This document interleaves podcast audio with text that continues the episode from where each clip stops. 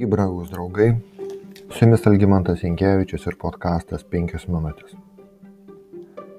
Laiškė hebrajams Paulius Samsoną vadina tikėjimo didvyriu. Žvelgiant į jo gyvenimą, netaip paprasta išvelgti ką nors panašaus į rimtą jo tikėjimo viešpačių pasireiškimą. Visas jo gyvenimas buvo tarsi kabutėse pašėlusios atostogos, amerikietiški kalneliai Jis tenkino savo norus ir buvo savo jausmų vergas. Visgi, vienas jo gyvenimo epizodas viską pakeitė. Delilos namuose, kai suprato, kad viešpats pasitraukė nuo jo ir nustojo duoti jam jėgų, prasidėjo sunki, bet būtina pamoka Samsonui. Pirmą kartą gyvenime jis pajuto bėgiškumą. Teisėjų knygoje 16 skyriui 21 eilutė parašyta. Filistinai jį nutvėrė ir išbadė akis, nuvarė į gazą, apkalė jį vario grandinėmis ir pristatė kalėjime sukti girnas.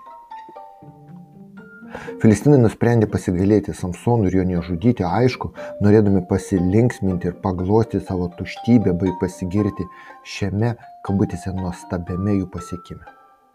Visgi jie bijojo, kad bet kurią akimirką gali sugrįžti didžiulė Samsono jėga. Ir norėdami jausti saugus, jie atimė jam regėjimą. Filistinų didžiūnai susirinko atnašauti didelės aukos savo dievui Dagonui ir pasidžiaugti. Jie gadojo. Mūsų dievas įdavė mums į rankas mūsų priešą Samsoną. Ir žmonės matydami jį giesmėmis liaupsino savo dievą. Mūsų dievas įdavė mums į rankas priešą, niokojusi mūsų kraštą, užmušusi daugelį mūsiškių. Pagauti pakelios dvasios jie sakė, pašaukite Samsoną. Te pasilinksminam, te palinksminam mus.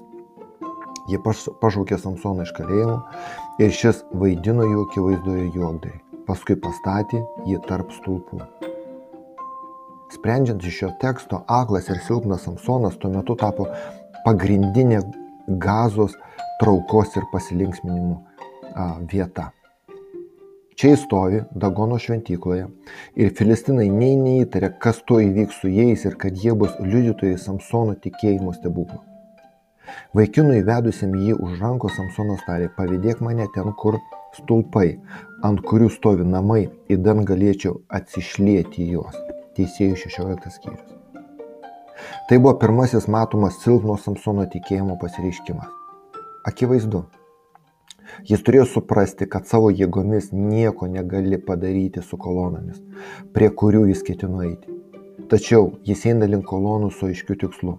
Stovėdamas tarp dviejų laikančiųjų Dagonos šventyklos kolonų, iššaukėsi viešpaties. Viešpatie Dieve, prašau atsiminti mane, prašau duoti man jėgų šį paskutinį kartą, Dieve, kad vienu keršto smūgiu atmokėčiau filistinams už abi savo akis. Apkabinės abu vidurinius stulpus, ant kurių stovėjo namai, Viena dešinė ranka, o kita kairė Samsonas įsirėžė visų svorių. Tada Samsonas sušuko, leis man mirti su filistinais. Ir patraukė iš visų jėgų. Namai griuvo ant didžiųjų ir visų ten buvusių žmonių. Tada jis užmušė daugiau mirdamas, negu buvo užmušęs gyvendamas. Teisėjų 16 skyrius. Viešpats jį sustiprino, davė, ko jis prašė.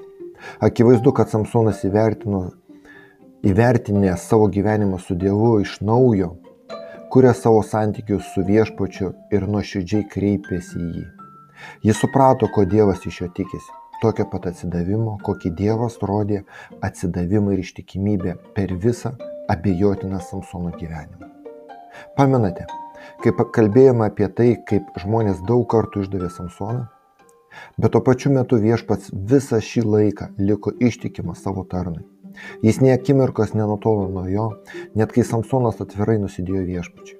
Ne tada, kai maloningas viešpats atsitraukė nuo jo, Dievas dirbo prie jo širdies, nes tikėjimas ir atgaila yra viešpaties dvasios darbo vaisius. Brangus draugai, Samsono tikėjimo pavyzdys man asmeniškai atrodo nuostabus Dievo meilės ir malonės pasireiškimas. Ne tik naujame, bet ir senajame testamente. Dievas kantriai dirba prie kiekvieno žmogaus širdies, nenorėdamas, kad kas nors žūtų, bet kad visi atgailautų ir būtų išgelbėti. Tam viešpats gali leisti rimtus išbandymus atsitikti mūsų gyvenime, jei negalime Dievo atrasti, suprasti kitaip. Su jumis buvo penkios minutės ir Algymantas Jankievičius.